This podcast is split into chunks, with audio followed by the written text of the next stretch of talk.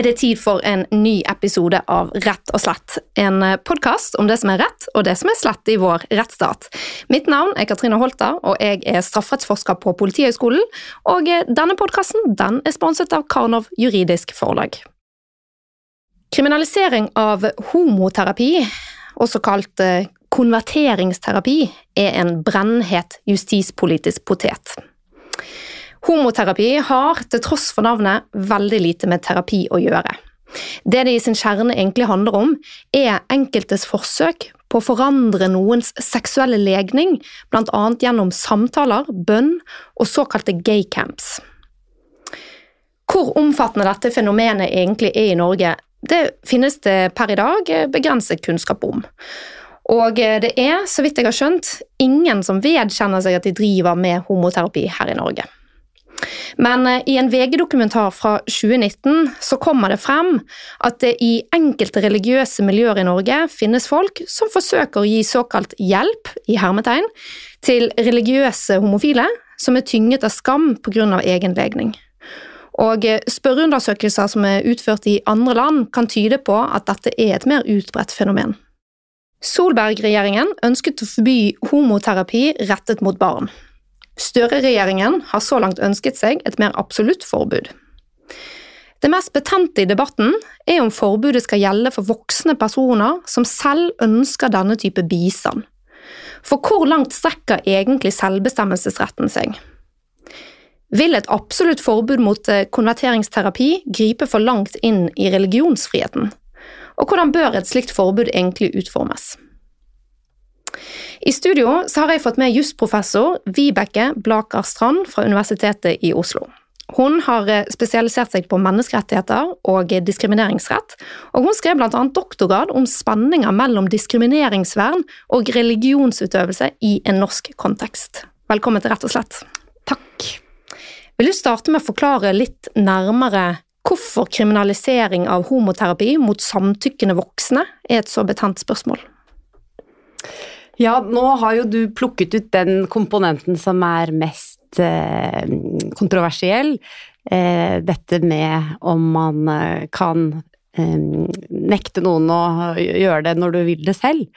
Eh, så det handler jo egentlig om en sånn på en måte en paternalistisk regulering da, som går veldig langt i å sette grenser for uh, hva man kan gjøre.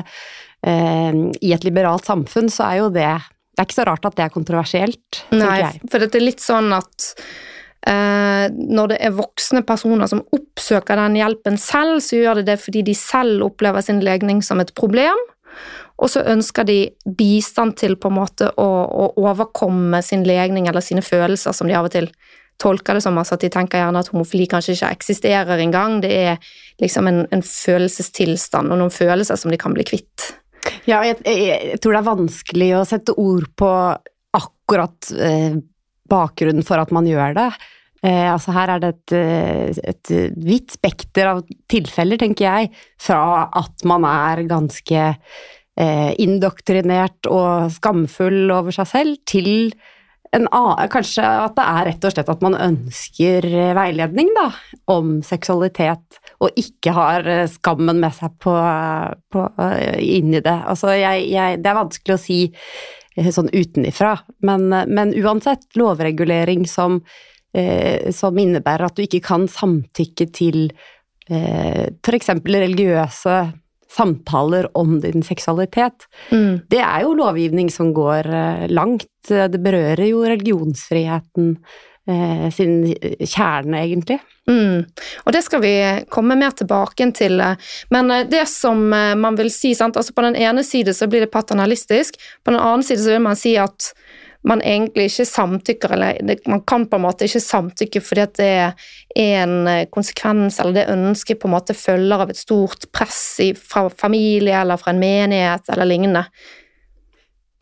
Ja, det vil vel da kunne være argumentet for at man skal gå så langt. Og det jo, dette bygger jo på eh, forskning, særlig fra andre land, men som viser jo at eh, konverteringsterapi har store konsekvenser for dem som utsettes for det, og at det påvirker eh, livene på en svært negativ måte til veldig mange, da. Så, sånn at det er jo en empiri som vokser fram fra, fra forskning i forskjellige land, og også økt fokus internasjonalt på dette. Da tenker jeg på ulike menneskerettighetsorganer. Altså man retter oppmerksomhet mot hva konverteringsterapi eh, gjør med deg. Eh, men så er spørsmålet eh, hvordan skal man som lovgiver eh, gjøre noe med dette, og hvor, hvor langt kan man gå? Og akkurat dette med at eh, man ikke kan samtykke til det, det er liksom stridens kjerne, i tillegg til noen andre selvfølgelig spørsmål om hvordan man definerer dette, da. Jeg har òg eh, fått med jusprofessor Jørn Jacobsen i studio i dag. Han har eh, ekspertise på strafferettslige spørsmål, og eh, har bl.a. forsket på hva som kjennetegner en rettsstatlig strafferett. Han ble bl.a. invitert av Solberg-regjeringen til å gi innspill til arbeidet med å utforme et straffebud på dette området, og han har også skrevet om dette på sin strafferettsblogg. Dette er for øvrig tredje gang Jørn er med i Rett og slett, og med det har han opparbeidet seg status som friend of the pod.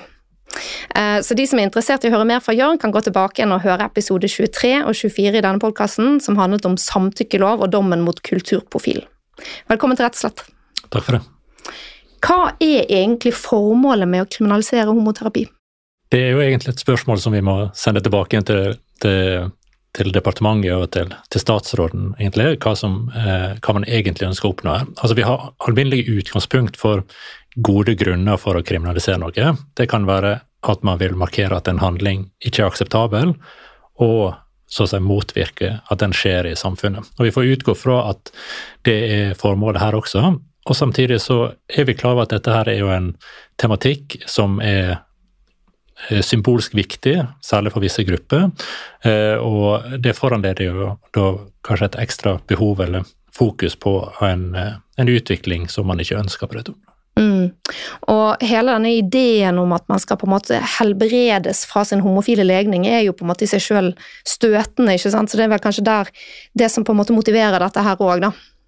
Ja, og så eh, har det kommet fram, som vi har fått, uh, fått vite nå, at uh, visse praksiser i samfunnet som er problematiske. Og det er jo den typiske foranledninga til at kriminaliseringsspørsmålet kom opp. Uh, og så reiser det da nye spørsmål. akkurat hva slags type handlinger er det vi snakker om her, og når blir det så problematisk at det bør kriminaliseres?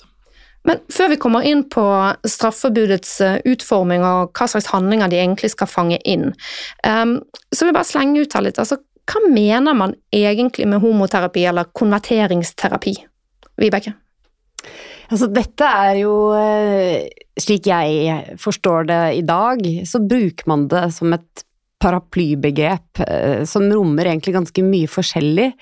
Eh, men det dreier seg jo om ulike typer mekanismer, mer eller mindre formalisert, da, som, som skal få deg til å endre seksuell legning, eller å undertrykke din seksuelle legning, eventuelt også kjønnsidentitet. Ja, så Enten så skal du på en måte bli konvertert, altså du skal bli heterofil, eller så er det det at man skal leve i sølibat.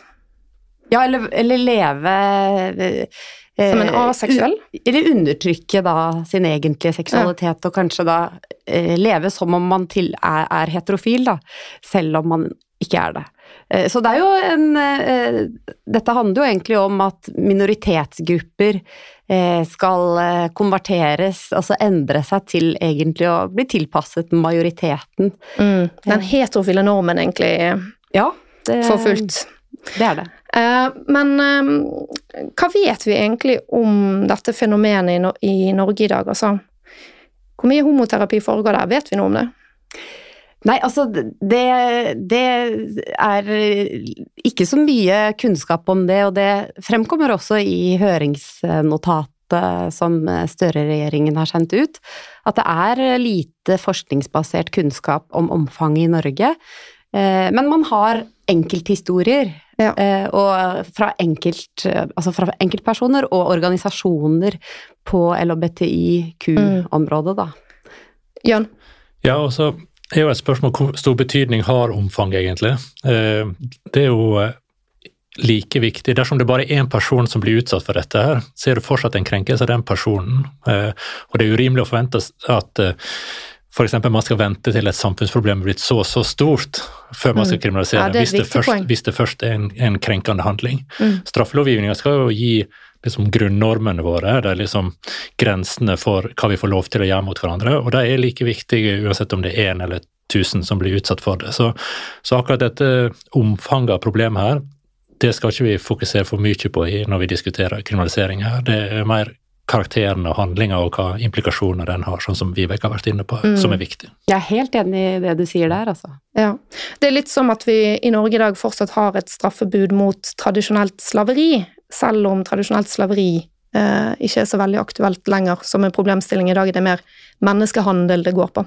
Ja, absolutt. Og man kan like gjerne på en måte se det i et sånt f.eks. slaveriforbudet som du tar opp her. Den kanskje skal ligge fast nettopp fordi at, den forteller oss noe om hva slags normer vi skal ha for samfunnet, og hvordan vi skal omgås med hverandre. Og de normene må følge med i tida, og når nye problemstillinger dukker opp, så, så må vi så si, som samfunn ta stilling til det. Så, så det er en god grunn til å nettopp diskutere kriminalisering når vi blir kjent med fenomenet, så å si, som vi er blitt i de siste åra. Men så er det kanskje noen som vil mene at en sånn kriminalisering får på en måte et, eh, et trekk av um, en form for moralisme, altså skal strafferetten gå inn og moralsk regulere. Altså her er det gjerne religiøse samfunn som har sine moralske normer, og der er på en måte den moralske normen at det skal være heterofile eh, forhold. Og så skal storsamfunnet gå inn og bestemme at dette ikke er greit, og det er også der man selv samtykker til det. Um, hva er det med dette forslaget som gjør, og nå stiller jeg litt ledende spørsmål, men, men som gjør at, at vi på en måte utenfor, eller er vi utenfor, eh, den rene moralismen? Ja, vi kommer jo hele tiden tilbake til selve hva er det vi definerer som konverteringsterapi. Eh, Det forekommer, som Vibeke sa, i veldig mange ulike både settinger og ulike former. Er det innslag av tvang, press og den type ting, så er jo det ganske åpenbart at det er en agenda for strafferetten. Og så blir jo spørsmålet hvor langt skal vi bevege oss i retning av det som kan betraktes som mer samtaler, informasjon eh, og opplysning om religiøse synspunkt og den type ting, før vi så å si er kommet utafor det som er strafferettens agenda. Og Det er jo egentlig den definisjonssaken som er hele kjernen og problemet her. Eh, hvor langt skal vi gå? Og, Ja, fordi i strafferetten så er det jo sånn at vi skiller da typisk mellom to ulike normative systemer, dette vi snakket om tidligere i denne podkasten, eh, mellom på en måte det som tilhører den subjektive moralen og det som tilhører det straffverdige i strafferetten. Og det skillet der i strafferetten det går typisk da på skadefølgeprinsippet. Og skadefølgeprinsippet det går ut på at vi skal kriminalisere bare handlinger som skader eller skaper en fare for en skade på en vernet interesse. Og eh, det er derfor jeg stiller dette spørsmålet litt sånn ledende, fordi det er vel ganske klart at hvis man ser for seg ganske eh, inngripende former for konverteringsterapi, eh, så er vi inne i handlinger som har et skadepotensial. Vibeke? Ja, det tenker jeg absolutt, og, og, og at det er elementer av dette som man bør eh, belegge med straff. Det tror jeg veldig mange er enig i. Spørsmålet er jo hvor eh, langt du skal strekke det. Eh, og da er det jo dette med samtykke, der det er gitt samtykke av en myndig person som er, eh, har evne til å skjønne hva man samtykker til, og eksempel samtaler, da. Som kanskje er noe av det Altså sjelesorg, eh, som jo er en vanlig på en måte eh, konstruksjon i en del eh, religiøse grupper. Skal dette forbudet gå så langt, eller skal man holde noe unna, eh, og f.eks.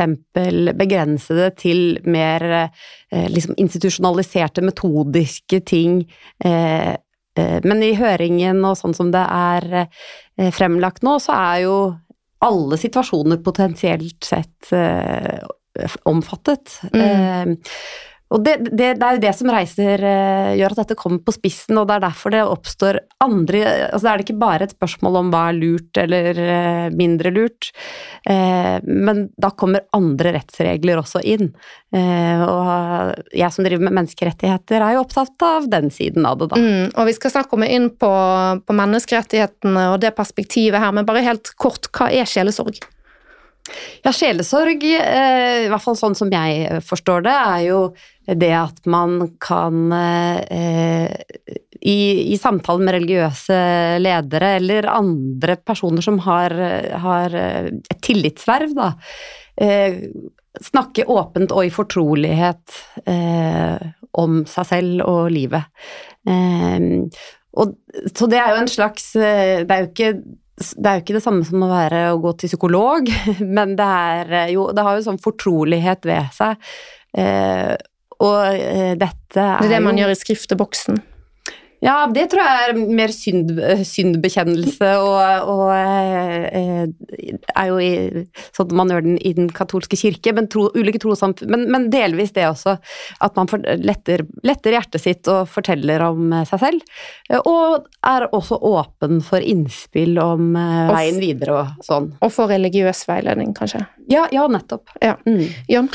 Ja, altså, bare for å gjøre det enda mer komplisert. Altså, hvis vi er på en måte i kjernetilfeller de konverteringsterapihandlingene som klart fortjener straff, så har vi allerede straffebud for å ramme det. Altså, vi har straffebud mot trusler, tvang, eh, eh, eh, kroppskrenkelser eh, videre. Vold, som man har hørt om i enkelte episoder. Sånn at, så det finnes jo allerede på en måte et lappeteppe av straffebud som rammer veldig mye av det som eh, man typisk tenker på som den problematiske konverteringsterapien. Og da får jo man en slags Dels et trykk ned mot de tilfellene som Vibeke snakker om, de som er i grenselandet, på en måte, for det er jo de det er snakk om å kriminalisere utover den eksisterende reguleringa. Mm. Og så får vi dette spørsmålet hvor mange sånne straffebud trenger vi som for særtilfellene? Ja. Eller hvor mye skal vi basere oss på de allmenne straffebudene? På et eller annet tidspunkt blir det for mange straffebud og for mange særtilfeller straffebud. Eh, Men samtidig så kan du si at dette er et fenomen som har fått så mye oppmerksomhet og er framstår som så spesielt og problematisk på sitt eget sett, at det kanskje nettopp fortjener en, en, en spesiell lovgivning akkurat knyttet til dette. Så, så her er det flere lag av problem knyttet til å finne liksom, det riktige nedslagsfeltet for denne reguleringa. Mm. Kan jeg bare tilføye en ting, eh, fordi at det eh, Akkurat det derre avveiningen mellom å la ting eh, dekkes av andre straffebud, eller om man trenger noe eget. Jeg tror jo at på dette feltet her, som har fått så mye oppmerksomhet, og som også da, i tillegg til at man vil beskytte de som utsettes for det, så er man opptatt av samfunnsbegrunnelsen, da, og signalene det sender eh, ved at man ikke har regulert dette særskilt. Eh, at det på en måte og det at det skjer, at det på en måte rammer seksuelle minoriteter som gruppe, fordi det ikke er sagt noe om det, da. Eh, så den biten av det, at det er begrunnet i samfunnet som helhet, på en måte, gjør vel at, at det presser seg fram et ønske om en egen lovbestemmelse. Mm. Men betyr dette at uh, at det ikke er gitt at vi trenger et straffebud mot konverteringsterapi? Ja. Altså Er mye av det dekket allerede, det du sier? Nei, altså det vil jeg ikke si. Eh, men vi kommer, bare komme litt nærmere mikrofonen. vi kommer litt tilbake igjen til det som du starta med å spørre om, hva er formålet her med, med denne kriminaliseringa? Og jeg er enig med Vibeke i at dette eh, framtrer som et så å si eget fenomen som har fått så stor oppmerksomhet at det så å si er vanskelig å si at dette får vi bare behandle etter det allmenne straffebudet. Men samtidig gir jo de veldig viktige markører og retninger for hva som er så alvorlig at vi bør regne det som en straffbar konverteringsterapihandling. Så vi, på noe vis må vi, vi må ta med oss dem og på en måte det landskapet, og så plassere konverteringsterapi, straffebudet, godt inn i relasjon til dem. Eh, Og hvis vi kommer veldig langt ifra det som så å si, det allmenne straffebudene rammer, så har vi kanskje fått en indikasjon på at nå strakk vi dette her kanskje litt vel langt. Så å si. Det blir et sånt brudd med det systemet som finnes i straffelova, kan du si. Hvordan det? Nei, eksempel hvis du kommer inn i disse her, hvis du tar vold eller trusler og alt mulig sånt, så er det typisk sett veldig sånn samtykkesensitive bestemmelser.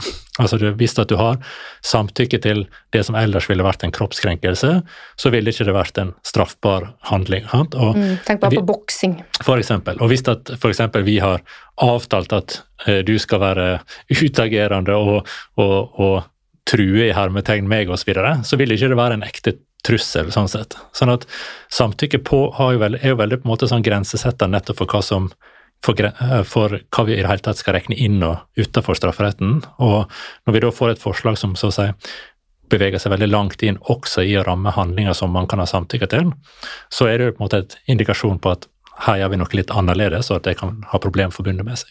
Men blir ikke dette ganske forskjellig, fordi at mens trussel på en måte opphører gitt samtykke, så er jo eh, et samtykke til konverteringsterapi vil jeg tro at altså, til de samtaler sånn, vil det ofte nesten være kanskje normalen. Altså at man selv kjenner på altså Man er gjerne inne i et eh, religiøst samfunn som har påført denne personen skamfølelse knyttet til legning. Sant? Altså Religion har i utgangspunktet påført deg denne skammen, og så ønsker man å bli kvitt den skamfølelsen ved å endre seg sjøl. Sånn at liksom det typiske nærmest er at man ønsker den hjelpen, og så er det det at noen utnytter det, den situasjonen.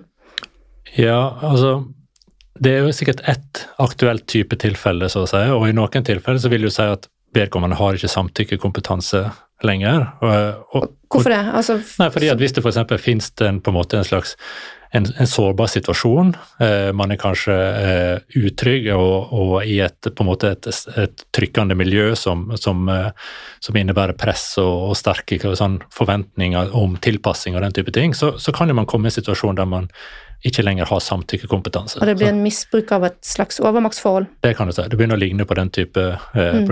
Men det, igjen, det er jo bare én av mange typer tilfeller innenfor denne store og uh, sammensatte konteksten. Sånn at hvis du fokuserer for mye på akkurat de tilfellene, så risikerer du å gjøre urett og ta fra andre handlingsfrihet i situasjoner der det kanskje ikke er en tilsvarende bakgrunn. Hva kan være et eksempel på det? Nei, Det kan jo være at en, en eh, person med, som har en sterk religiøs overbevisning, f.eks. Sjøl eh, av eget initiativ oppsøke noen for at man har kanskje religiøse bekymringer eller eh, tanker osv., og, så videre, og, og ønsker på en måte å ha en slags samtale eller veiledning om, om det. Sånn, uten at det nødvendigvis trenger å finnes noe som bakgrunn i et miljø eller et press. sånn sett. Så vi vet ikke helt hva som er så å si, det vanlige her, så jeg sier ikke noe om frekvensen av det ene eller andre type tilfeller. Men hele problemet virker å være at situasjoner av, eller type tilfeller av eh, det som kan defineres som kommenteringsterapi, ja, de kan være veldig mange og ulike. Eh, og så eh, blir jo spørsmålet da hvor mange av de skal vi så å si ta inn i straffebudet. Den enkle løsningen er å ta så å si, alt som kan minne om konverteringsterapi. Men det er jo en litt sånn farlig vei å gå for kriminalisering. Det blir sånn, Vi kaster nettet hvitt bare for å være sikre på at vi får med oss alt. Eh, kriminalisering det skal jo i utgangspunktet begrenses til det vi er sikre på at vi vil mm. ramme. Treffsikkerhet. Mm. Mm. Man kunne vel tenke seg at man uh, laget et straffebud som da eh, spesifiserte at eh, altså ved samtykke så Ja, at man har et unntak, men med mindre da det har vært press og sårbar situasjon og Altså man kunne jo klart begge deler, kanskje? Absolutt, ja da. Og, men man må nest, nettopp på en måte klare å, å sy det sammen på et godt sett, sånn at man får en slags nyansert vurdering som Eller nyansert avgrensning som ikke går for langt inn i de mm. tilfellene der det faktisk er et samtykke, og vi ikke klarer å se noe sånn problem knytta altså, til det. Spørsmålet om ikke på en måte typetilfellet her allerede er definert som sårbar situasjon, ikke sant? Sånn at en sånn avgrensning vil den ha noen realitet i praksis. Ja, det er nok sånn at, eh, at, høringsnotatet bygger på en sånn forutsetning av at det er et press fra før av, og derfor for, lager man lovteksten sånn som man har foreslått nå, da. Men, eh, men samtidig vet vi jo ikke nok, egentlig, om situasjonene, fordi det er så få eksempler. Eh, men man vet jo mye om hvordan en del ulike trossamfunn fungerer, og at det med sjelesorg er viktig. Så eh, Jan? Men Akkurat den på en måte forutsetningen syns jeg òg er synlig der, og det har vel også statsråden sagt rett ut at si, det, man kan ikke tenke seg tilfeller av konverteringsterapi som er gjort nærmest på en måte av fri vilje. Så å si. Eh, og det for meg framstår som et litt sånt ideologisk utgangspunkt, og som potensielt sett kan frata en del mennesker friheten til å velge sjøl. Eh, vi prøver jo i en, vårt eh, liberale samfunn å strekke oss langt for å gi individer handlings- og valgfrihet i spørsmål som primært angår deg sjøl, sånn sett. Ja, for her er jo poenget da at du som en voksen person kan være, ha en homofil legning, og du har rett til å mene at det ikke er greit. Det er det som er ja. poenget, ikke sant? Ja, og du har rett til å ha samtaler og, og, og, interaksjon med andre omkring det synspunktet. Og, og vi skal være så forsiktige med så å si å fradefinere noen muligheten til å ha den, de tankene og de ønskene og sånt, og så bare si at hvis du har dem, så er du per definisjon ikke samtykkekompetent. Mm. Det er et veldig sånn inngripende statement å gjøre. Og paternalistisk. Ja, det er det, og, og, også kanskje nedvurderende i forhold til den kompetansen vi har hver enkelt av oss til å rå vårt liv. Altså. Vi merker jo at dette her er allerede ganske komplekst, og det er ulike hensyn i spill her, og nå skal det bli enda mer komplekst. Fordi dette er jo en tematikk som uh, toucher inn på flere menneskerettigheter. Uh, de som står opp mot hverandre her, er jo kanskje særlig religionsfriheten, retten til religionsfrihet, mot uh, retten til å ikke bli utsatt for nedverdingene og umenneskelig behandling. Vibeke, du er ekspert på menneskerettigheter. Vil du si noe om hvordan disse rettighetene kommer inn? Ja, sånn grovt sett så er det jo sånn at eh, staten eh, på den ene siden har en plikt til å ta aktive skritt eh, for å forebygge og forhindre at eh, alvorlige integritetskrenkelser finner sted. For å, for å forhindre at, eh, at, noen utsettes for umenneskelig og nedverdigende behandling, blant annet. Men så den andre siden av dette her handler jo om hvordan da et forbud mot eh, konverteringsterapi, som da er et middel for å sikre individvern. Eh, hvordan det kan eh, utformes innenfor menneskerettighetenes rammer, da. Fordi ytringsfriheten, religionsfriheten, organisasjonsfriheten gir jo et rom for å drive ulik aktivitet, uh, uh, blant annet trossamfunn. og, og på visse vilkår kan religionsfrihet innskrenkes, blant annet når man skal beskytte andre individers rettigheter og friheter. altså det er jo konkrete vilkår som må være oppfylt før man kan innskrenke religionsfriheten, og, og også ytringsfriheten. og der er akkurat i det vippepunktet der vi nå befinner oss, da, mm. er den begrunnelsen eh, for å innskrenke religions- og ytringsfriheten sterk nok til å ha et straffebud som her, her foreslått. Nettopp. Og da er det sånn at det som går på umenneskelig og nedverdigende behandling, der har staten altså en aktivitetsplikt, og den er da til vern for den eventuelt voksne, samtykkende personen som oppsøker dette, men blir utsatt for eh, å bli utnyttet i en sårbar situasjon, sant? Ja, men i tillegg har jo den personen Her kommer et tredje perspektiv inn, eh, og det er den eh, enkeltindividers også rett til, individuell religionsfrihet og sitt privatliv, som kan da være at man er konservativt religiøs og ønsker å leve ut et eh, konservativt syn på seksualitet, f.eks. Mm. Og det betyr da at eh, religionsfriheten den kommer inn i to, minst to, altså på to måter. Altså på en måte til fordel for den som har lyst til å utøve denne type praksis, og den menigheten som har lyst til å praktisere denne type tro. Mm.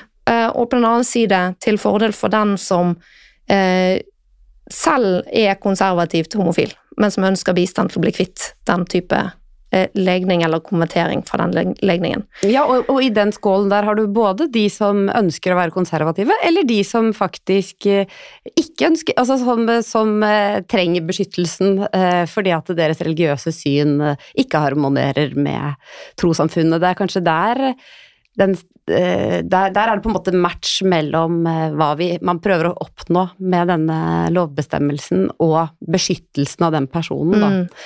Eh. Og det er dette da kanskje et straffebud må klare å fange inn, da. At man, sånn som jeg forstår dere litt, at, at dette straffebudet må klare å fange inn at det er et skille på den som er konservativ og tror på dette selv, og den som blir pushet inn i det f.eks. av familie, menighet osv. Ja, det er jo her eh, Nå er vi på en måte ved det strafferettslige eller kriminaliseringsspørsmålet sin, sin kjerne. altså Hvordan kan vi liksom navigere sånn at vi balanserer rettighetene? Ikke strekke straffebudet videre enn det som er helt nødvendig for å verne de som faktisk blir krenka, men heller ikke kortere, sånn at, at noen faller utafor og ikke får et skikkelig vern. Uh, og da er det sånne type tilfeller vi må tenke i. Noen type tilfeller er preget av at her er det voksne, autonome mennesker som inngår i en dialog om religiøse spørsmål. De må vi utforme gjerningsbeskrivelsen sånn at de ikke omfattes. Og så har vi de tilfellene som skjer innenfor situasjoner av sårbarhet, press, tvang, trusler og lignende. De må helt klart falle innenfor. Og så blir spørsmålet hva slags kriterier har, vi tilgjengelig? Hva, kan vi skrive inn i gjerningsbeskrivelsen for å si, navigere mellom disse tilfellene som skal falle innenfor og utenfor? Og da er poenget da at det forslaget som Støre-regjeringen har lagt frem, det gjør ikke en sånn, legger ikke opp til en sånn navigering. Det er jo et uh, stridens kjerne, kan vi si. Uh, det vi kan si er at Solberg-regjeringa sitt forslag det var veldig sånn utydelig på hvor grensa gikk.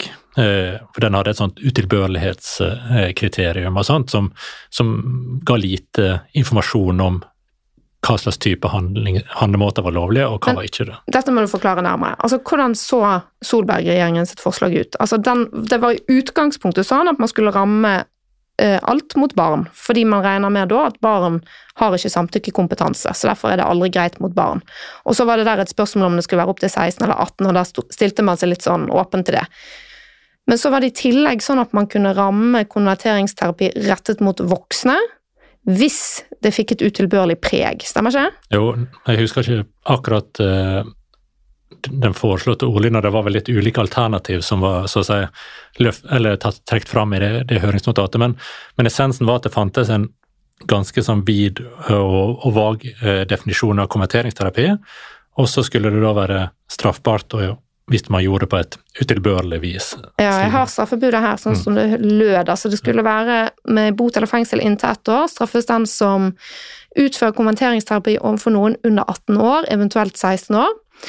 Eh, der var det på en måte et alternativ eh, som ikke ble avklart helt ennå. Dette er jo bare på forslagsstadiet. sant?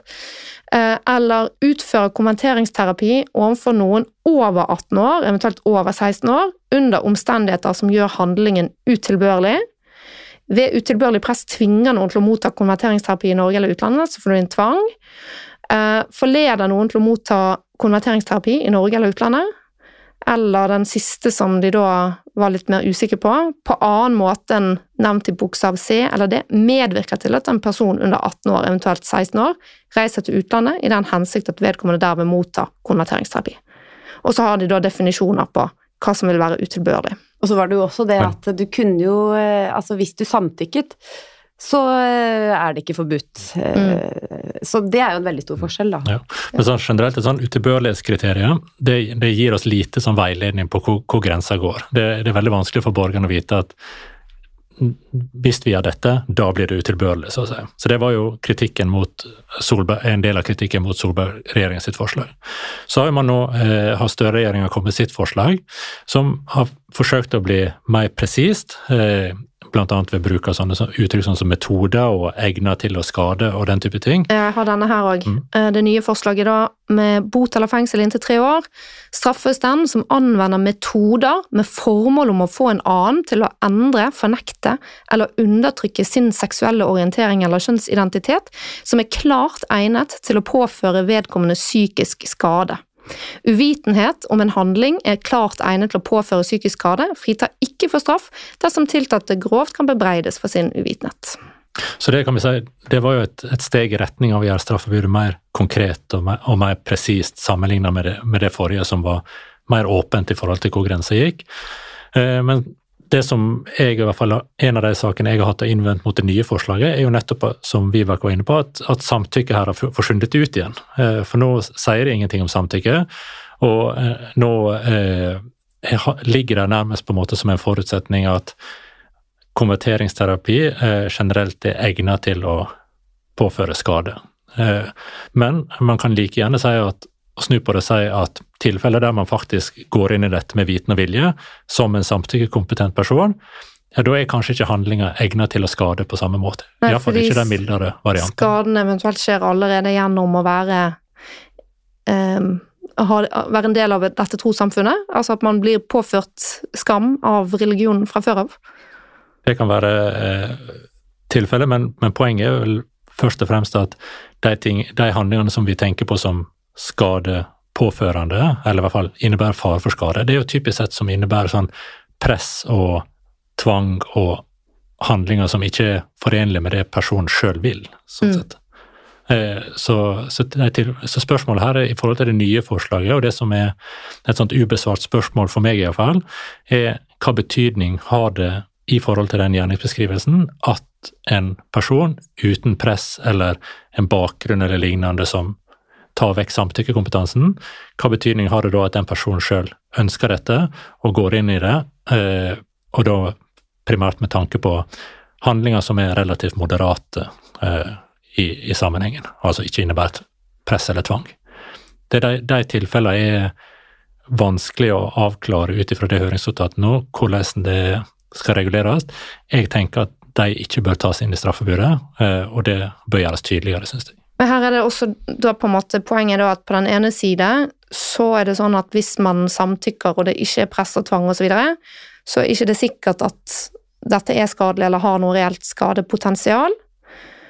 Men så er det vel også her et spørsmål om i hvilken grad handlingen skal rette seg inn mot påvirkningsforsøk versus det å snakke sammen om hvordan man opplever sin egen legning.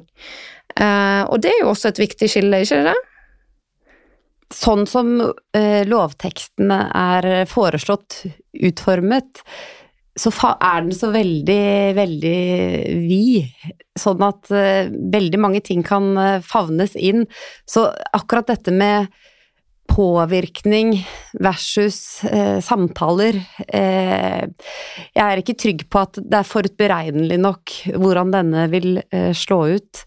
Så tenker jeg bare for å supplere det Jørn har uh, sagt her eh, På den ene siden her også er det jo Det er jo også et spørsmål om uh, hvor langt man skal gå i å ha lovgivning som på en måte da innebærer en reduksjon av mangfold også. Så man Formålet er å bidra til mangfold når det gjelder seksuell orientering, kjønnsidentitet, altså at man, ikke, at man skal minske presset mot de gruppene, og det er jo kjempeviktig, selvfølgelig. Men man risikerer i andre enden å redusere religiøst mangfold, eh, og særlig da konservative Ja. Så det tenker jeg er en viktig del, og da sklir man liksom over i religionsfriheten og dens begrunnelse, og hvor langt en stat kan gå i å innskrenke religiøse eh, synspunkter eh, og religiøst mangfold, som jo Mm. er en sånn eh, altså kjerneverdi i demokratiske samfunn. At det er et religiøst mangfold som staten ikke skal definere innholdet i, da. Kan du si litt om religionsfrihet? Altså, hvorfor er det viktig at vi har det? Religionsfriheten eh, er jo veldig tett koblet opp mot eh, altså pluralisme og et demokrati hvor du har reell meningsbrytning og mangfold.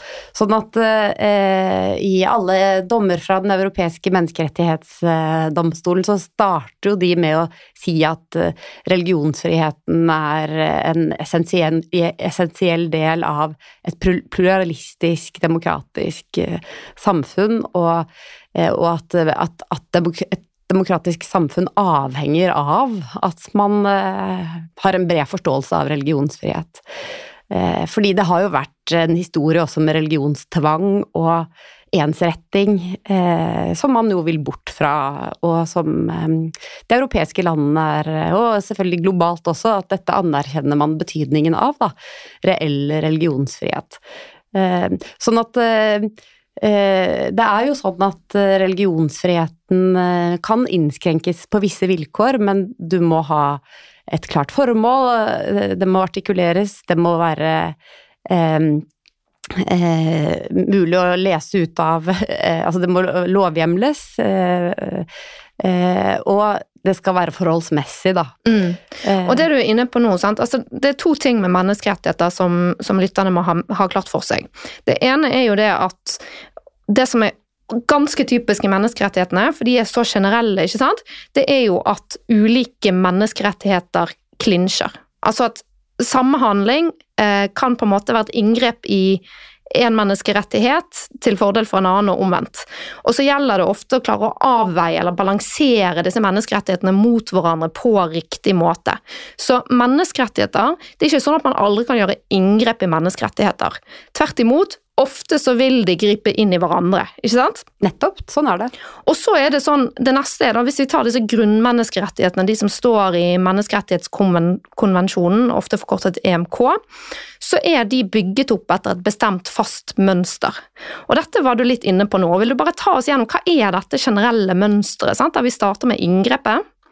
Ja, altså, da er det jo sånn, og det gjelder religionsfriheten, ytringsfriheten, privat- og familieliv. Da, ha, da har man en rettighet som slås fast i første ledd at alle har, enhver har rett til religionsfrihet eh, eller ytringsfrihet, eh, og så er det utbrodert litt mer. Og så har man et annet ledd som sier eh, noe om når det kan gjøres inngrep, eller på hvilke vilkår.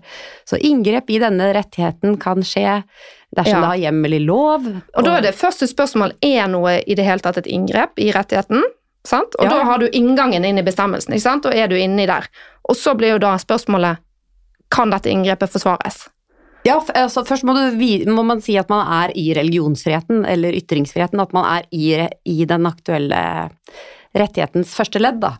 Eh, og hvis man er der, så blir neste spørsmål eh, om eh, et inngrep er lovlig ut ifra de kriteriene som, som, er veldig tydelige, som handler om at du må ha lovregulering, altså lovhjemmel. Inngrepet må forfølge, forfølge, et av de opplistede formålene. Gjerne f.eks. For at det er for å ivareta andres rettigheter og friheter. Det er typisk i denne saken her, egentlig. Og så må det ikke være uforholdsmessig inngripende. I forhold til Altså det må, en, det må, være et forholdsmessig inngrep i forhold til det man søker å oppnå med eh, inngrepet. Med inngrepet. Også når du har to rettigheter i konflikt, så sier man jo ofte at statene eh, har kanskje større frihet enn ellers til å navigere dette her. Eh, men det spørs litt hva som er på spill, og, og, og, det erkjennes egentlig også av departementet i dette høringsnotatet, at særlig de eksemplene eh, vi snakker om, dette typetilfellet hvis en person samtykker og det ikke er noe annet problematisk, der mener de jo at man eh, er mer på tynn is da, når mm. det gjelder å forby det. Og da er poenget da at dette mønsteret her som du nå har beskrevet veldig godt, det går da igjen i ytringsfrihet, i retten til familieliv og osv. osv. Og det betyr òg at menneskerettighetene de gjør vi inngrep i. Men det må skje på riktig måte, og spørsmålet i denne saken er om man kan gjøre denne type inngrep i religionsfriheten ved å gi denne lovhjemmelen. Ja, så i En veldig sånn, viktig side av den eh, strukturen som, som Vibeke har beskrevet, er jo nettopp at det er eh, begrensninger på friheten som må begrunnes. Så det er ikke et spørsmål på en måte om du skal begrunne at du skal si, holde tilbake en lovgivning eller et eller annet. Det primære er at, hvis du vil strafflegge handlinger som i utgangspunktet omfattes av frihet, så må du ha en begrunnelse for det. Og så blir spørsmålet hvor langt strekker den begrunnelsen seg. Og Dette er veldig viktig i en rettsstat. sant? Altså at ja. Utgangspunktet er frihet og alle inngrep og begrensninger som skal begrunnes. Så Hvis vi på en måte starter de mest alvorlige tilfellene, så synes det som vi har veldig sterk begrunnelse for å gjøre inngrep i religionsfriheten. Sant? Mennesker blir utsatt for tvang og krenkelse og alt sånt. Det, det, er en god begrunnelse, så å si. Og så kan vi så å si ta steg videre, og jo mer vi nærmer oss disse tilfellene her, der vi ikke ser elementer av press og tvang og lignende, men snarere ser element av fri viljesdannelse og valg fra de involverte her, så, så blir det på en måte mye vanskelig å komme opp med en god begrunnelse for å gjøre inngrep. Så, så, så, det er liksom et spørsmål om hvor langt holder begrunnelsen i forhold til hvor langt vi kan gå i å gjøre inngrep i rettighetene. Ja, og da tenker jeg det er interessant egentlig å koble på aktørgalleriet her. For hvem er det som vil påberope seg å være utsatt for en menneskerettskrenkelse? Hvilken av disse aktørene står vi liksom eh, i skoene til når vi tenker på dette? Ja, Da kan jo vi bare se for oss sånn hypotetisk dette her straffebudet som eh, Støre-regjeringen har nå eh, foreslått. Det er vedtatt, vi er litt frem i tid. Hvem er det som kan finne på å anke dette her helt til Menneskerettighetsdomstolen? Ja, og da er jo det en eh, prest eller eh, sjelesørger eller eh, I hvert fall hvis vi tar det typetilfellet vi har kverna på nå, da. En som eh, har blitt straffet for dette? Har, har, blitt rammet av, det, av straff pga. den nye bestemmelsen, og som eh, mener at, eh, er, at, man er rammet på en måte som krenker vedkommendes både religions- og ytringsfrihet. Så da er vi egentlig inne i eh, Altså en enkeltpersons menneskerettigheter eh, men kanskje i en sånn kollektiv religiøs kontekst. Men, eh, men er da det inngrepet i, i, den forkynneren, eller presten, sin religionsfrihet forholdsmessig? Og, og det er jeg enig i at på en måte primærperspektivet vil jo være den, for den, den religiøse forstanden eller noe sånt, som, som, som blir straffeforfulgt. Og det kan være menigheten òg, ikke sant?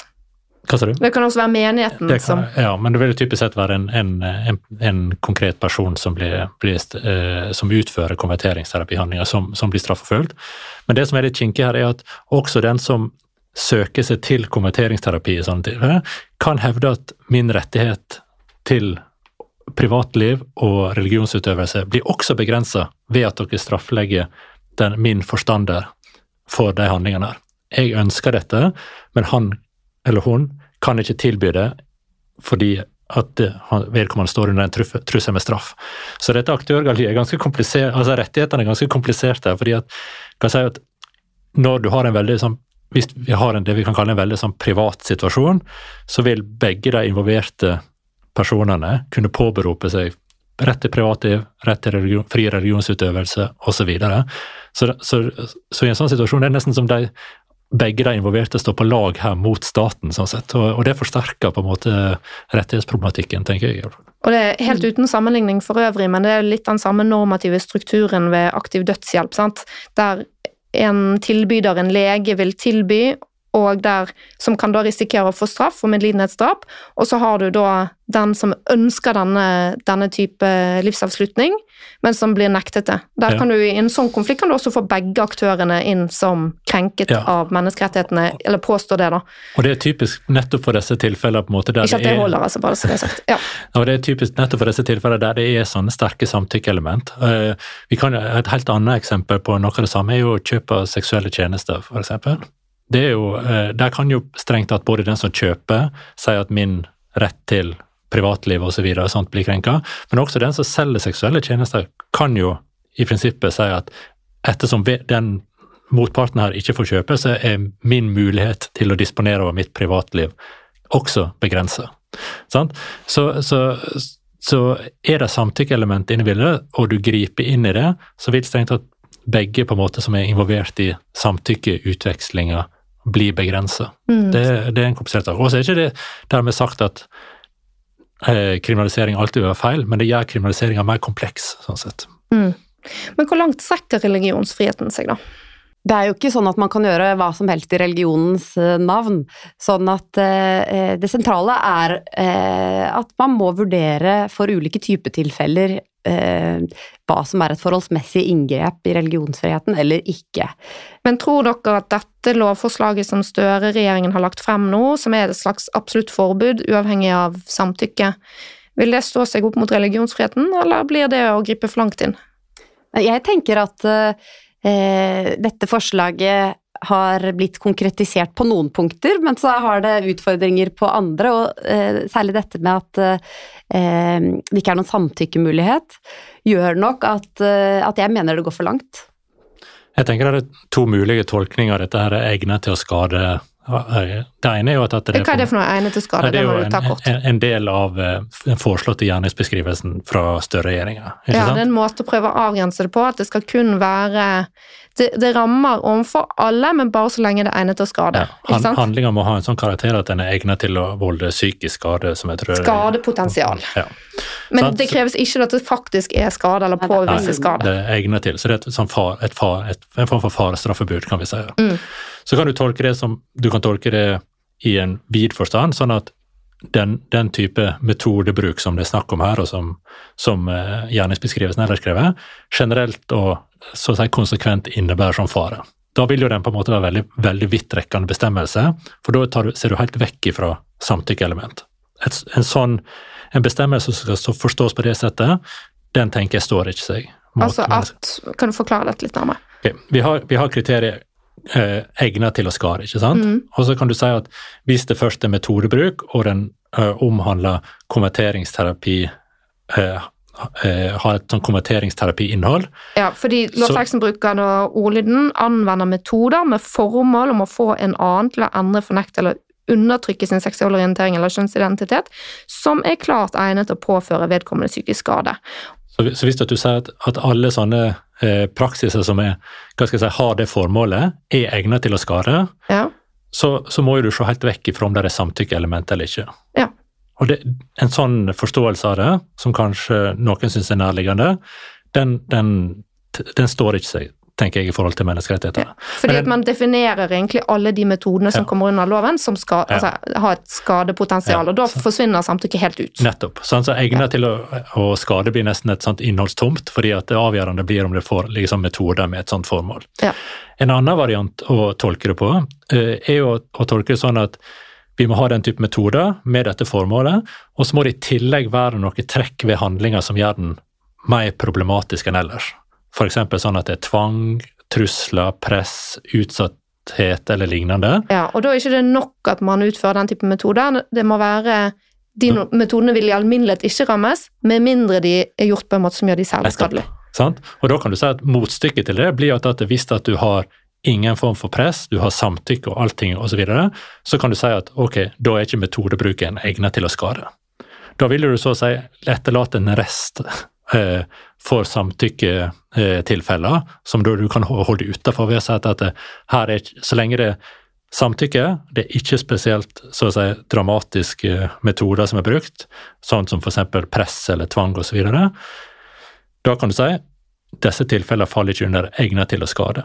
Ja, Og da- ikke egnet til å skade når det er samtykke. Sant? Men legalitetsprinsippet er vel fortsatt et problem? Det er fortsatt et problem, men det er bedre, altså den siste varianten den, den tror jeg på en måte er, har større sjanse for å gå klar av menneskerettighetene enn den første. Men altså, så kommer jo da klarhetskrav oppå her igjen. Ja, og det må du forklare hva er Ja. for noe. Legalitetsprinsippet. Vi har forklart det før, men jeg tror vi skal ta det igjen. Eh, Både Grunnlova og EMK eh, fordrer at gjerningsbeskrivelser som, altså straffe, i straffebud, de skal være så presise at det er mulig for borgeren å forutberegne hva slags handlinger som rammes, og hva som faller utenfor. Og Det betyr at hvis gjerningsbeskrivelsen er veldig vag eller uklar, eller altfor kompleks eller lignende, sånn at det er vanskelig for borgerne å navigere i forhold til den, så, så ryker den i forhold til lovskrav eller legalitetsprinsippet. Ja, og Et eksempel på et straffebud i norsk rett som er problematisk opp mot presisjonskravet, det er jo straffebudet mot uh, hensynsløs atferd, altså som rammer uh, atferd som er hensynsløs overfor andre. eller, vi kan, eller vi kan ta dette forslaget fra, fra Solberg-regjeringa, som brukte et uttrykk utilbørlig som så å si grensemarkør. Det er jo en veldig Mm. sånn skjønnsmessig vag standard. Det, det tenker jeg, Den er ikke god nok. i At noe er utilbørlig, Mm. eller at noe er hensynsløs atferd, er i seg selv så vide betegnelser at man sliter med klarhetskravet. Ja. Man sliter med å gi en forutsigbarhet til hvor du kommer inn i straffeansvaret og ikke, ved bare da å lese lovteksten, som da er det sentrale i legalitetsprinsippet. Eller en, en sentral side Ja. av det. En annen sentral side av det er jo maktfordelingsprinsippet. Sant? Altså at, at hvis det blir for vidt, så blir det liksom opp til domstolen å definere hva som skal være straffbart og ikke i for stor grad, og ikke lovgiver. Men det var bare Ja. innskutt. Så, Beklager. så hvis, hvis sånne hva skal jeg si, eh, vage eller skjønnsprega eh, uttrykk blir på en måte for sentrale i forhold til grensedragninga for det straffbare, så har vi et, et legalitetsproblem, kan vi si. Eh, og i den sammenhengen så har nok man eh, gjort det bedre i denne runden. Støre-regjeringa sitt forslag er klarere enn eh, Solberg-regjeringa sitt, men vi er kanskje ikke kommet helt i mål sånn sett der heller. Og betydninga av samtykke her er en av de tingene som kunne vært mer presist, og som hadde gjort det enda klarere. Mm. Men så er det også en sånn greie i det forslaget som kommer fra Støre-regjeringen. sant? Altså at eh, hvis det, man gjør noe som er egnet til å skade, så er den øvre strafferammen, altså maksstraffen som man kan gå til, domstolen kan bruke, det er tre års fengsel. Uh, hvis det har påført skade, uh, og man har vært uaktsom, altså man kan klandres for at man, for at man har gjort det, eller klandres for at man ikke forsto at man har gjort det, så er det fengsel inntil seks år. Og det er ganske høy strafferamme. Ja, altså, det, er, jo- det er åpenbart at eh, forslaget til uh, Støre-regjeringa er klart strengere enn Solberg-regjeringa, eh, og det er et ganske stort sånn sprang. Så kan det kanskje i noen grad forsvares, eh, dels ved at, at man har eh, tilpassa lovteksten sånn at, at det nok rammer mer alvorlige tilfeller enn det som eh, Solberg-regjeringa sitt veldig vide forslag i utgangspunktet gjorde. Men, men det, men det, er strengt. Eh, så blir spørsmålet kan man forsvare en sånn strafferamme. Det er jo delvis et, et lovgiverspørsmål, i den forstand at det er lovgiver som skal vekte hvor alvorlig betrakter vi denne typen eh, krenkelse for. Og eh, der står jo naturligvis eh, regjeringa fritt til å gjøre sine vurderinger og legge fram sitt forslag. Ja. Men, og jeg tror jo òg at denne type handlinger faktisk kan være ganske ødeleggende for folk, da. Det er ikke tvil om. Og sånt. Og så kom vi inn, da, inn i en del sånne teknisk vanskelige spørsmål knytta til samløp med andre forbrytelser osv. Så, videre. Eh, så her er nok eh, enkelte ting som eh, med hell kunne vært utdypa og utvikla litt også på det punktet. Men Bare sånn, si at samløp det betyr at man straffer for flere straffebud. Man bruker flere straffebud på den samme handlingen. Ja, Så er det på en måte f.eks. veldig alvorlig vold eller, eller trusler inne i bildet, så, så, vil man nok normalt så å si, dømme for trusler eller vold i tillegg, sånn sett, og det vil jo igjen øke strafferamma osv. Så, videre. så Så her er, her er, det en del sånne kompliserte teknikaliteter med, på det punkt, men, men sånn eh, bottom line, så det er eh, regjeringa sitt privilegium å så å si, vurdere og eh, alvoret i disse handlingene. Og som du var inne på, Katrine, det er en god del av de tilfellene som man i hvert fall kan tenke seg her, er ganske alvorlige. og Der forstår jeg departementet slik at de nærmest har forsøkt å sammenligne litt med andre forbrytelsestyper og, og plassert inn i systemet. Så det er bra. Og så er det ting som kunne vært bedre. Man kunne hatt et bedre grovhetsalternativ, kanskje, for den høye strafferamma som som nettopp på en måte identifiserer de mange ulike faktorene som kan bidra til at dette blir en grov handling. Mm. Det er ikke bare skadefølger, men også handlemåten og, og, flere, og offeret sin posisjon og den type ting. Så, så, man kan justere litt på det, men, men, det viktigste er liksom å få i første omgang få, få, få selve definisjonen av den handling som rammes som konverteringsterapi ja. på plass. Det er det aller viktigste. Og, og klare å finne en uh, utforming som gjør at man ikke griper for langt inn i religionsfriheten. Mm. Um, dette her forslaget, det er jo nå Nå har det nettopp vært en høringsrunde som er avsluttet.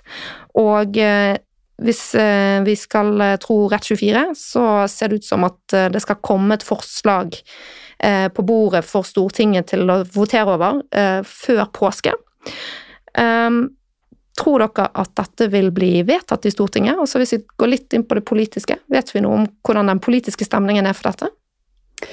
Altså, Vi vet jo at eh, Solberg-regjeringen også ønsket eh, et eh, forbud, og at nå er vi i andre runde. Så jeg tror, hvis jeg skal spekulere på dette, så, så tror jeg jo absolutt at det ligger an til at vi får en eller annen lovbestemmelse om dette. Eh, kanskje blir det litt justeringer fordi det er fryktelig mange høringsuttalelser og mange som har engasjert seg eh, også i denne runden. Eh, sånn at det er jo en jobb å gå gjennom alle innspillene nå og finne det er, det er, jo nybrottsarbeid, dette her òg. Sånn at men jeg, men jeg, tror ja, at det blir et forbud, men kanskje en justert versjon. Ja. Hva er din spådom, Jan? Jeg tror Uh, Vibeke dette. rett her. Og så Det man kan si, er jo at egentlig er det ganske positivt. Det er stort engasjement, det er mange synspunkt på dette her, det er flere runder. Så det kan godt hende at vi får en, en, en god løsning til slutt på dette her. Uh, det, det, det, er et vanskelig spørsmål, det er litt nybrottsarbeid osv., så, videre, så jeg tenker at det er bare fordelaktig at man har gått litt flere runder og fått en god del innspill og sånt, og så justere litt underveis. Men jeg er helt, helt sikker på at vi, vi lander på et eller annet vis, at vi får et straffebud mot konverteringsterapi. Og det er det egentlig ganske god grunn til. Bare, bare blir bra utforma. Det er jeg enig i. Ok, da setter vi strek der for eh, diskusjonen, og så går vi til den siste avsluttende spalten i denne podkasten. Der eh, det er jo sånn i min podkast at alle gjestene får spørsmålet om de vil fremheve noe de synes er rett eller slett i vår rettsstat. Og da tenker jeg at dere kan velge én av de, siden vi er litt på overtid i dag. Eh, og da, Vibeke, da kan du få starte. Ja, da må jeg jo ta noe jeg syns er slett. jeg får lov til å komme med noe. Det er ofte litt mer interessante de som blir slett enn de som blir sånne festtaler for eh, rettsstaten vår, så kjør. Ja, nei, jeg, må jeg, bare, jeg må jo bare da Jeg driver jo med diskriminerings- og likestillingsrett, eh, og eh, i 2017 så var det en stor reform på det feltet under Solberg-regjeringen, og så fikk man da en helt ny håndhevingsmodell eh, som eh, ble mer sånn strøm, strømlinjeformet, eh, og Det innebar annet at Likestillings- og diskrimineringsombudet ikke lenger eh, uttaler seg i enkeltsaker, men saker nå starter eh, rett hos Diskrimineringsnemnda, eh, og det er skriftlighet og sånn at personer som ønsker å klage på saker om diskriminering og trakassering, må selv da formalisere klagen sin. Og nå ser man ganske dramatiske tall på at voldsomt mange saker henlegges eller av, avvises. Fra Diskrimineringsnemnda? Fra Diskrimineringsnemnda. Altså 2021, da var det altså 73% av sakene som ble brakt inn der, ble henlagt, avvist eller avsluttet uten noe avgjørelse. Så det er tydeligvis ikke, det er ikke så lett å nå fram og inn i det nye systemet. Så det mener jeg er Ja, det er jo litt eh, urovekkende og dette vil jeg bare nevne som noe man kan uh, følge litt med på, og at det er grunn til å ja, uh, kanskje uh, gå litt i dybden på hva som har skjedd her. Mm. Takk. Og Jan? Ja, altså jeg, Du starta med å si at jeg har vært med her to ganger tidligere, og, sånt, og da, da, har jeg klaga litt over forskjellige ting, så, så, kanskje jeg skal ta noe som er litt rett da, denne gangen. og jeg tror kanskje jeg trekker tråden tilbake til det vi avslutta med å si at det er, ikke, det er, ikke, alltid at lovgivning i Norge heller blir så bra til slutt, og det er en del utfordringer med den osv. Men man må i hvert fall si at vi har faktisk en ganske fin sånn kultur i Norge med å høringer, offentlig diskusjon, prosesser som tar inn synspunkt og justerer det, osv.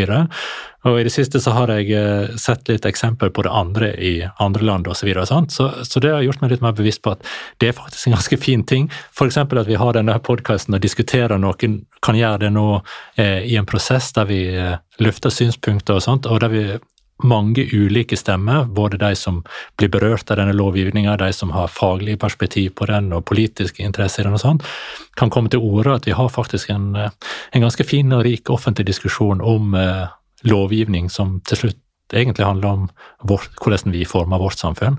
Det er egentlig en ganske fin sak, og kanskje skulle vi blitt enda, enda bedre på det. sånn sett. Så, så jeg sier at eh, litt sånn reformdebatt, det er ganske bra for å skape både forståelse, engasjement og enighet rundt de normene vi skal ha. Så det, det tenker jeg er rett, og det syns jeg kanskje vi skal gjøre enda mer av. Mm. Og du oppfordret jo også nylig i en, eh, var det en leder eller noe sånt, eh, akademikere til å børste av seg den rettspolitiske skammen. Vil du kort si hva du mente med det? Ja, altså, eh, vi har jo en tendens til å tenke at lovgivning det er, det er lovgivers domene. Vi har stor respekt for lovgivning eh, og, og lovgivers rolle osv. Nå tenker vi med vi akademikere akademikere. Sant? Ja, vi er akademikere. Sant? Ja. Vi er såkalt, liksom såkalte, såkalte juseksperter. men, men eh, samtidig så er jo lovgivning som vi egentlig har diskutert nå, det er i deler et ganske sånn teknisk eh, spørsmål eh, som handler om hvordan får vi disse reglene tilpassa både avveining mellom menneskerettigheter og gjøre det mulig å anvende for domstoler osv. Og, så og, og, og der, eh, der, har vi eh, som jobber med strafferett eller, eller menneskerettigheter og sånt, vi, vi, har en del perspektiv på det, sant? og jeg, jeg, tror at det er også et perspektiv og relevans, og noe som lovgivere og politikken egentlig både har nytte av og også setter pris på å få spilt inn. Ok, det var eh, det jeg hadde for i dag. Takk til dere som har vært med her i studio, og takk til dere hjemme som har eh, lyttet til samtalen vår. Husk å abonnere på denne podkasten i din podkastspiller, så får du opp varsel når det legges ut en ny episode. Og jeg blir også veldig glad for alle som ønsker å legge igjen en eh, hyggelig anmeldelse eller noen stjerner der du hører på podkasten, så hjelper du meg med å nå ut til nye lyttere. Takk for i dag.